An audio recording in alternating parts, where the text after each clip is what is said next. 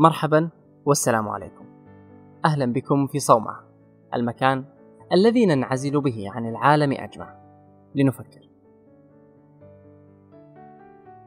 قال جبران خليل جبران: بلادي لا يزال هواك مني، كما كان الهوى قبل الفطام. ما الوطن؟ هل هو كما ذكر جبران بلاد؟ أم هو مكان في قلوبنا، لا مكانا على الخرائط؟ وللوطن عدة معايير. وفي معيار المكان لربما يكون مسقط رأسك وطن أو حتى أصغر بكثير غرفتك. والوطن أيضا قد يكون أناس فأصغر الأمثلة فصل مدرستك. لو نقلت منه ستشعر بغربة البعد عن الوطن.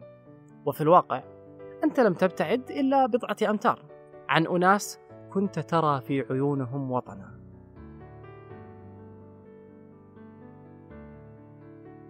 والبعض وطنه يكمن في حنجرة المؤذن وآخرون وطنهم يكون كوب قهوة في الصباح.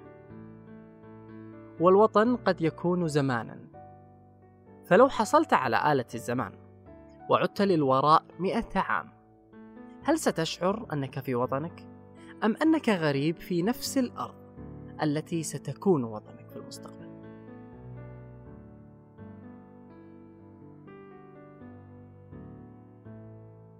وما قد ذكرناه قبل قليل ينتمي إلى خمسة معايير من وجهة نظرنا. المكان الناس الشعائر الروتين والزمان. وختاما سأطرح عليكم أسئلة. تنتظر إجاباتكم عليها في حسابنا على تويتر هل الوطن هو مسقط رأسك؟ أم هو مصدر لراحة بالك وانتماء إليه؟ وما الغربة؟ هل هي ابتعادك عما حولك؟